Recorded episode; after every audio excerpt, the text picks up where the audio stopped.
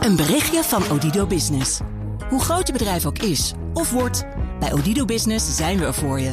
Met unlimited data en bellen en met supersnel en stabiel zakelijk internet. Ook via glasvezel. Ontdek wat er allemaal kan op odido.nl/slash business. Het kan ook zo. Studio De Zwaluwenberg, toch? Sophie van Leeuwen, goedemiddag. Hey, goedemiddag. Uh, ik sta inderdaad voor de poorten van de Zwaluwenberg, het optrekje van Prins Bernard. Uh, in de bladeren en tussen de takken te wachten op het nieuwe kabinet. Ik heb hier beeld bij Sophie. Ik zie jou staan in een bruine jas. Uh, met, herf, met, met, een, een verrekijker in je hand herfst, en een microfoon in de ander. Ja, ik ben speciaal voor jullie in de bosjes gaan liggen. Maar ja, ik zie niet zoveel, want ja, ik mag het landgoed niet op. Dus nee. ik sta bij zo'n weg.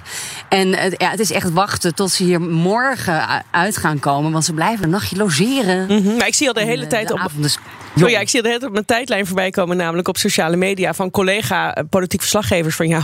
Die dus dan beelden laten zien van een raam. En dan zie je, je ziet nog net de rook van Wouter Koolmees daar, daar op de foto. Die is buiten een sigaretje aan het roken. Het is alles wat ja. jullie hebben op dit moment, hè? Remkes, hoor. Remkes ook. Die, die rookt ook lekker gezellig mee met koolmeesters, de informateurs. En ik heb nog wel iets meer voor je, want ik hoor wel dat er echt kei en keihard uh, is onderhandeld vandaag. En dat er weinig ruimte is voor een wandelingetje hier over de hei. Okay. Maar echt al die dossiers doorpakken, één voor één. En proberen, ja, de belofte van vanochtend, hè, de knopen door te hakken.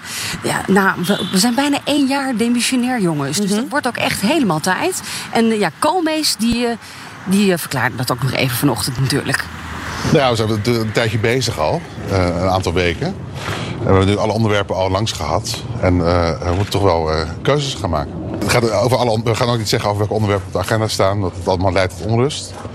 Maar ja, alle onderwerpen komen langs. En we hebben dus eigenlijk drie dagen zouden we hier zijn. Gisteren ging dat niet door vanwege uh, kamerverplichtingen. Dus nu hebben we twee dagen hier, dus er komen alle onderwerpen langs. Ja, dat, dat zegt Koolmeesters. Nou waren er dus documenten in een trein achtergelaten, weten we allemaal. Uh, dat waren meerdere documenten eigenlijk. Hè. Dus de uh, opzet regeerakkoord van CDA en VVD... en de aanzet tot de opzet van een regeerakkoord van D66 en de VVD...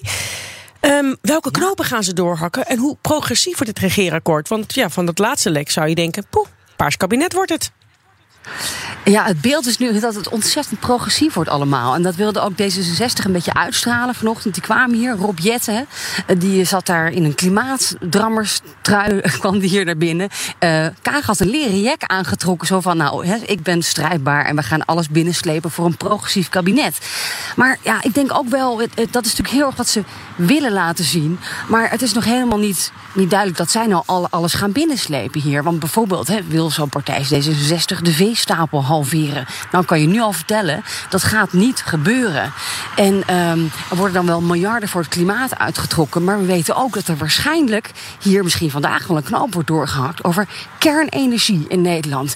Daar zijn ze ook niet heel erg blij mee uh, bij de Groene Partij. En ook iets wat, wat uit het document uh, CDA-VVD kwam, daaruit bleek uh, Lelystad. Het vliegveld daar, eigenlijk wil D66 en de ChristenUnie, die zijn daar klaar mee. Maar dat ding is gebouwd, het staat er al, het heeft heel veel geld gekost.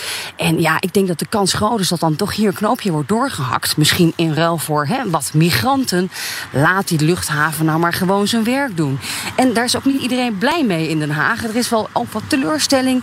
Bijvoorbeeld bij, nou ja, uiteraard de Partij voor de Dieren, Esther Ouwehand. Mij viel vooral op, ik ben heel blij dat Gert-Jan Segers heeft laten slingeren, konden we mooi meelezen, dat de partijen die nu daar aan tafel zitten denken dat we pas sinds twee jaar een stikstofprobleem hebben. Dat bestaat al 40 jaar, en ze hebben zelf veroorzaakt. Dus dat biedt mij niet heel veel hoop dat ze ook met goede oplossingen gaan komen. Tussen de regels door lees je dat ze Lelystad Airport weer open willen doen, midden in de klimaatcrisis.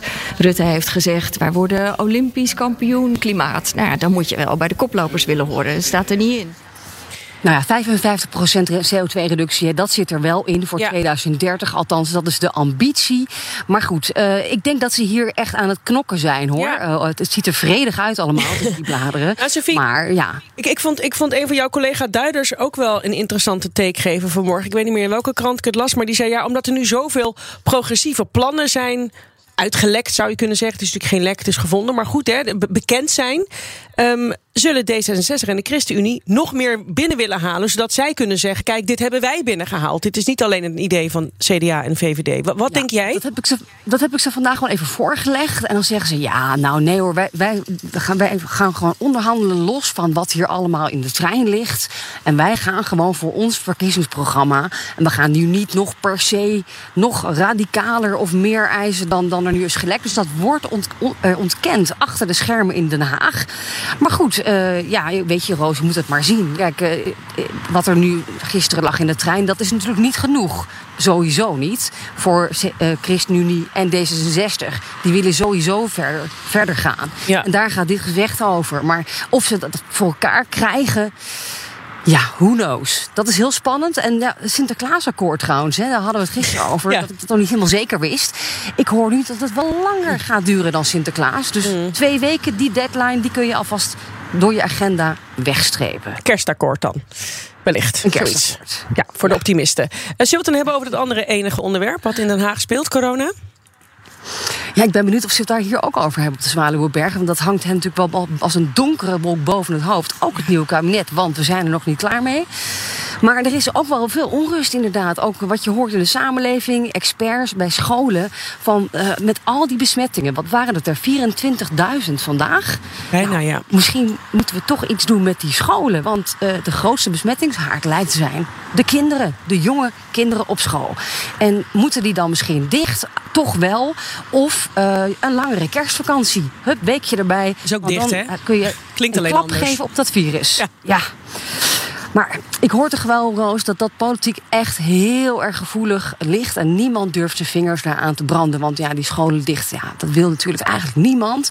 En ook de minister van Onderwijs, Slop, die vroeg ik er even naar. En ja, die zegt, dat gaan we gewoon, zoals het er nu uitziet, hè, niet doen. We weten natuurlijk dat met name de leerlingen die nog in de leeftijdscategorie zitten... dat ze niet gevaccineerd zijn, dat die ook wel uh, corona kunnen krijgen. Wat we ook weten is dat uh, de klachten gelukkig heel gering zijn, maar betekent wel dat je toch een aantal dagen weer thuis zit.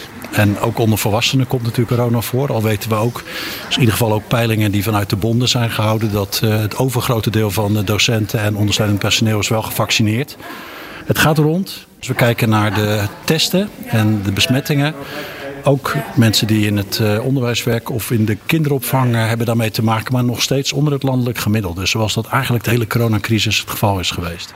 Eigenlijk zegt hij dus, ja, wij zijn het probleem niet. Of de scholen zijn het probleem niet. Maar daar zijn de meningen in de, in de samenleving wel over verdeeld, heb ik de indruk. Ja, en Sophie, jij maakte net voordat we dit fragment van de minister hoorden... Uh, natuurlijk nog een opmerking. Hè, zoals het er nu voor staat.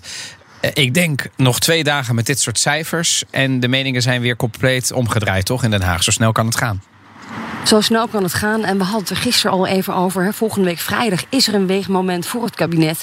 En we horen al in de wandelgangen: komt er meer? Komt er een zwaardere lockdown? Mm. Komt er een langere lockdown? Ja. En wat het precies is, dat, dat weten we op dit moment nog niet. Maar dat ons iets boven het hoofd hangt, ja, dat lijkt me absoluut duidelijk. Hopelijk blijven de scholen gespaard. Want Ja. dat wil natuurlijk niemand. Maar Sofie, het is toch wel weer een beetje Groundhog Day. Want ik kan me dit ook herinneren van de vorige lockdowns. Nee, de scholen niet. Nee, de scholen niet. Wat gebeurde er? De scholen. Vlak voor kerst, weet je nog, vorig jaar? En toen ik Ik meteen echt een... eh, Heel goed. Ja, En het heeft heel erg lang geduurd. dat heeft Eh, heel in erg... Want als ze eenmaal dicht zijn, Sofie, dan gaan ze niet zo makkelijk meer open. Maar goed. Ja, en dat drama, ik denk dat niemand dat is vergeten. En dat kunnen we dus niet uitsluiten. Hoe Nee. hard het ministerie van Onderwijs het vandaag ook roept. Ja. Je kunt dat scenario helaas ook nu dit jaar weer niet uitsluiten. Laten we hopen, Roos, dat het echt niet nodig is. Nee. Maar dan, ja, dan, moet er, dan moet er iets anders gebeuren. En dan moeten andere bedrijven eh, daaronder gaan lijden. Eh, slachtoffers zullen er sowieso zijn. Gelukkig mogen we wel gewoon vuurwerk afsteken met oud en nieuw. Dat is dan... Nou, dat eh, schijnt niet verboden te worden. Maar in heel veel plekken is het al lang verboden. Ja, dat is ook zo. Alleen, nou ja, je zou van het kabinet zou je iets verwachten van een voortrekkersrol. Van, nou, het is nu echt niet handig, jongens. Maar goed, daar gaan we het niet meer Nee. over hebben. Dat is, dat is gebeurd, zand erover. We gaan even naar iets anders belangrijks. Die hebben met Kamervoorzitter Vera Bergkamp gesproken. Nadat een Forumkamerlid gisteren iemand van D66 bedreigde. En nu? Want ze wil gaan praten met de partijen hè, over fatsoen. Ja, zij wil eigenlijk het liefst een grote sessie met alle partijen. Dat zijn 19 fracties, de fractievoorzitters bij elkaar.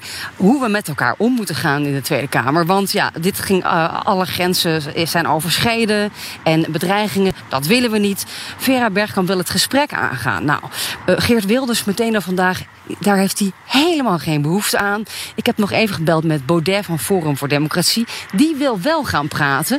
Maar die zegt ook wel van ja, eigenlijk ja, wat, wat wij doen in die Kamer, dat vinden wij gewoon prima. We willen best het gesprek aangaan. Maar misschien moeten we het hebben over Hugo de Jonge die met zijn rug naar me toe gaat zitten.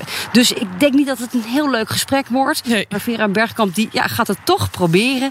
Uh, het wordt heel lastig, zegt ze eigenlijk tegen ons. Gisteren was gewoon niet mooi, was niet vrij. En ik merk dat er steun is, gelukkig, van veel fracties om dat gesprek met elkaar uh, te voeren.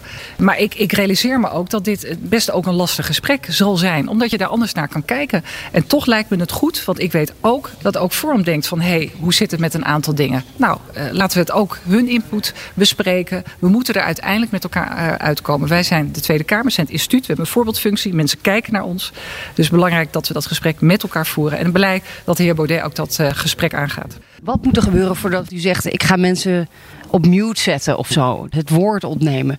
Hoe diep moeten we zinken? Nou, kijk, daar ga ik nu niet op in. Uh, hè, wat als uh, wat? Hè? Uh, het belangrijkste is nu eerst dat gesprek met elkaar. Als voorzitter heb je verschillende instrumenten, dus die kan je altijd toepassen. Maar het belangrijkste is dat we dat gesprek gewoon met elkaar aangaan. En het debat mag gevoerd worden, mag pittig zijn, er mogen emoties ook, ook, ook, ook zijn. dat is helemaal niet erg, maar het is wel goed om nu de vraag aan alle fracties te stellen van hoe gaan we nou met elkaar om? En dat ga ik doen. En dat gaat ze doen. Dat was Vera Bergkamp, de Kamervoorzitter. En je hoorde Sofie van Leeuwen vanaf Landgoed de Zwaluwenberg in Hilversum. Vanaf hier, Sofie. Dankjewel. Een berichtje van Odido Business. Hoe groot je bedrijf ook is of wordt, bij Odido Business zijn we er voor je. Met unlimited data en bellen en met supersnel en stabiel zakelijk internet. Ook via glasvezel. Ontdek wat er allemaal kan op odido.nl/slash business. Het kan ook zo.